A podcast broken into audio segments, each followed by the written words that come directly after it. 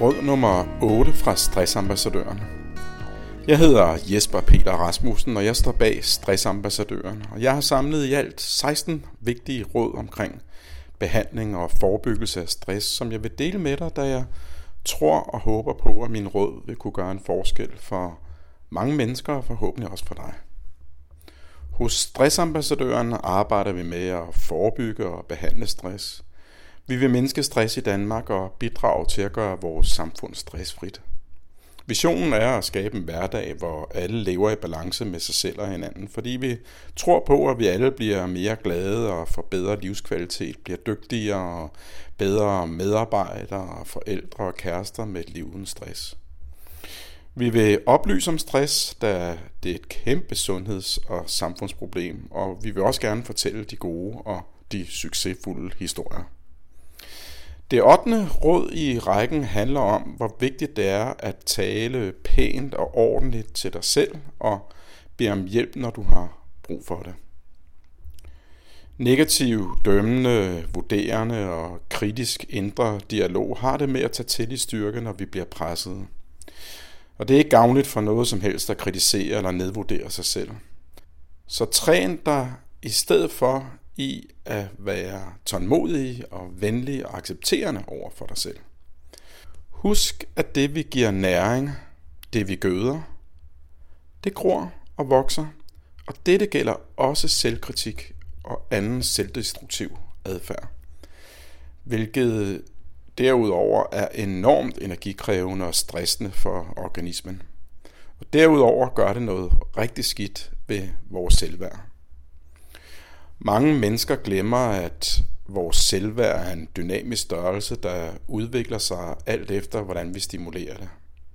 Så hvis vi er meget selvkritiske og selvbebrejdende, får vi et dårligere selvværd. Hvorimod, hvis vi giver os selv flere klap på skulderen, og hvis vi trykker på pytknappen ind imellem, når vi slår en skæv, eller hvis vi generelt er mere accepterende og overbærende, over for os selv og omgivelserne, så får vi også et bedre selvværd. Og et godt selvværd lægger en god grund eller base for ikke at blive stresset. Selvfølgelig er det vigtigt at lære af vores erfaringer på godt og ondt, og selvfølgelig kan vi lære af vores fejl. Så når vi har lavet en fejl, eller hvis ikke vi har præsteret, som vi havde forventet, kan det selvfølgelig indimellem være vigtigt at analysere, hvad vi kunne have gjort bedre eller anderledes, men derudover ikke give det mere næring. Det du derimod skal give næring er en proces, hvor du kigger på, hvordan du vil gøre det anderledes fremadrettet, eller næste gang du står i en lignende situation. Og lad det blive ved det, og lad selvkritikken ligge. Og nu lidt om det der med at bede om hjælp. Du kan og skal ikke klare alt selv. Vi har alle indimellem brug for hjælp. Alt for mange får reaktioner på stress, fordi at de ikke vil, eller måske fordi de ikke tør bede andre om hjælp. Men ofte kan vi både spare tid, energi og ressourcer på at bede om hjælp i tide. Jeg selv voksede op med Supermans kostume på, og har som barn lært at være flittig og gøre tingene ordentligt, og min far han tillod mig ikke at lave fejl. Det var en kæmpe lettelse den dag, jeg fik Supermans kostyme ned omkring knæene, og jeg selv turde tage afstand til den form for opdragelse. Tillade mig selv at lave fejl og bede om hjælp, og særligt opleve, at det overhovedet ikke var farligt. Snart tværtimod. Jeg tror, jeg er blevet mere menneskelig og tilgængelig for omverdenen, og det skulle da ærligt talt også irriterende at være sammen med mennesker, der ikke kan tillade sig selv at lave fejl og aldrig bede om hjælp. Hvis aldrig vi beder om hjælp, eller hvis ikke vi tager imod hjælp fra omverdenen, fratager vi jo også vores omgivelsers muligheder for og deres glæde ved at hjælpe os. Og der er jo en glæde ved at hjælpe andre mennesker, når de har brug for det, og det er der heldigvis rigtig mange mennesker, der gerne vil og tage imod. Og hvem kender ikke til at sidde i timevis med en vanskelig opgave, hvorefter det går som smurt, hvis vi lige husker at få noget hjælp eller noget inspiration udefra i tiden. Der kan være mange årsager til ikke at bede om hjælp. Den oftest brugte undskyldning er, at man ikke vil forstyrre eller belemre andre. Men tænk nu, hvis det var en naturlig del af vores kultur. Så ville vi både spare energi og ressourcer, vi ville få bedre resultater, og vi ville komme hinanden mere ved.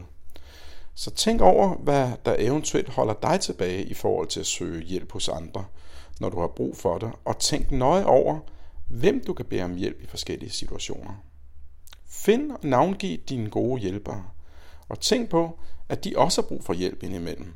Så hver gang vi beder om hjælp hos andre, åbner vi rent faktisk også døren ind til, at de kan gøre det samme for os. Og så tænker du måske, jamen øh, forstyrrer jeg så ikke andre? Og jo, det gør du selvfølgelig indimellem. Og andre gange gør du ikke. Og nogle gange er folk ligefrem glade for at blive forstyrret, fordi de gerne vil have lidt menneskelig kontakt, eller fordi de havde glemt at holde en pause.